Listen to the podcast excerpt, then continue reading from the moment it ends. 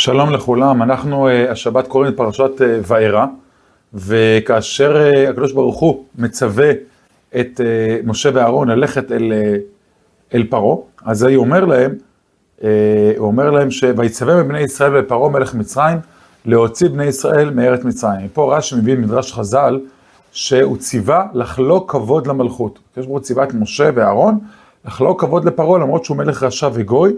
וכן, וירדו כל עבדיך אלה אליי, שגם בעניין הזה זה כבוד למלכות, ולא רק משה ואהרון חלק כבוד למלכות, אלא גם יוסף חלק כבוד למלכות, וגם יעקב חלק כבוד למלכות, כאשר ישב מול יוסף, ועוד ועוד ועוד. ונברר קצת ההלכה של אה, אה, נתינת כבוד למלך.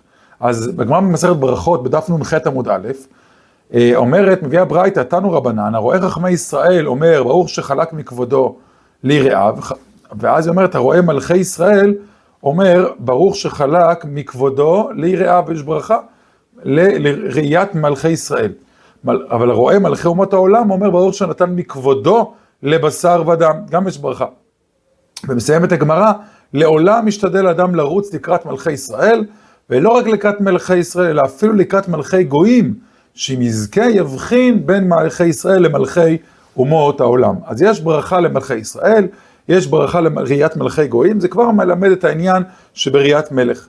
אבל לא זו בלבד, הגמרא מסרת ברכות בדף י"ט, במקום אחר, מספרת, אומרת ברייתא, מדלגים היינו על גבי ארונות של מאיתים לקראת מלכי ישראל. זאת אומרת, היינו עוברים על איסור טומאה, טומאה למת, מדובר על כהנים, בשביל אה, אה, להקביל פני מלכי ישראל, ולא לקראת מלכי ישראל בלבד, אלא אפילו לקראת מלכי אה, גויים. אפילו לקראת זה היינו קופצים ומדלגים על גבי טומאה ועוברים על טומאה. הגמרא מסבירה, אמנם לא מדובר כאן בטומאה דאורייתא, אלא באיסור טומאה מדרבנן, מה שנקרא בית הפרס, או מצווים אחרים, אבל עדיין איסור טומאה דרבנן הותר, כדי להקביל פני מלך ישראל, ואפילו כדי להקביל פני מלך גוי, גם הדבר הזה הותר. כך פסק גם הרמב"ם, בצורה מפורשת בהלכות אבל, פרק ג' עד י"ד, מותר לכהן להיטמע בבית הפרס, לדבר מצווה, וכן מדלגים על גבי ארונות של מאיתים לקראת מלכי ישראל, ואפילו מלכי גויים כדי להבחין בינם למלכי ישראל, אה, אה, כדי להבחין בכבודם. אז גם לראיית פני אה, מלך גוי מותר לעבור על איסור טומאה מדרבנן. באמת האחרונים נחלקו עד כמה אפשר להרחיב, האם לאיסורי דרבנן נוספים גם מותר, גם מותר לעבור עליהם כדי להקביל פני מלך גוי או לא, יש בזה דיון גדול באחרונים, אולי, או אולי רק בטומאה, כיוון שטומאה הותרה כבר בתורה, התירה טומאה, טומאת מת לדוגמה לכהן, כאשר הוא מת מצווה, אז אולי דווקא בטומאה הקלו גם בטומאה, טומאה, כיוון שהתורה התירה טומאה דאורייתא להיטמע לכהן באמת מצווה, אז לכן רבנן הקלו גם בטומאה דרבנן בשביל להקביל פני מלך, אבל אולי באיסור דרבנן אחר לא הקלו, יש בדיון הזה מחלוקת בין האחרונים. אה, שאלה נוספת שדנים בה, אה, מה, מוגדר כמלך, שמברכים על הברכה, או אולי אפילו עוברים על איסור דה רבנן, מה מוגדר כמלך? אז הרדב"ז נשאל, האם על איזה שליט, שליט שהוא לא מלך, שליט משמעותי, האם גם עליו צריך לברך חלק מכבודו לבשר ודם? הוא מביא שכבר הראב"ד נשאל בדבר הזה, ואומר, כל מי שהוא חשוב בשלטונו, כמו מלך, ודן והורג במשפט, ואין מי שמשנה את דבריו, מלאו להן והן ללאו, זאת אומרת הוא קובע, פוסק בלעדי, הוא כמלך ומברך עליו שחרר רק בכבודו לרעיו. ככה כותב הרייבד, שזה אדם שיכול לדון ולהוציא להורג, ואף אחד לא יערער על סמכותו.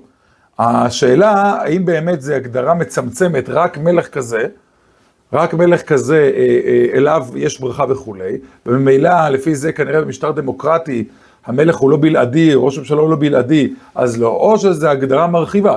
זאת אומרת, יש מישהו מלך ודאי, צריך לברך עליו. וגם מי שיש באופן אבסולוטי בידיו היכולת אה, להוציא להורג ולשפוט, כי אין אף אחד שמפקפק עליו, גם הוא כמלך. אבל מישהו באמת מלך, כמו המלכה באנגליה וכולי, גם אם היא לא יכולה להוציא אנשים להורג, כיוון שהיא מלכה מוגדרת כמלכה, מברכים עליה.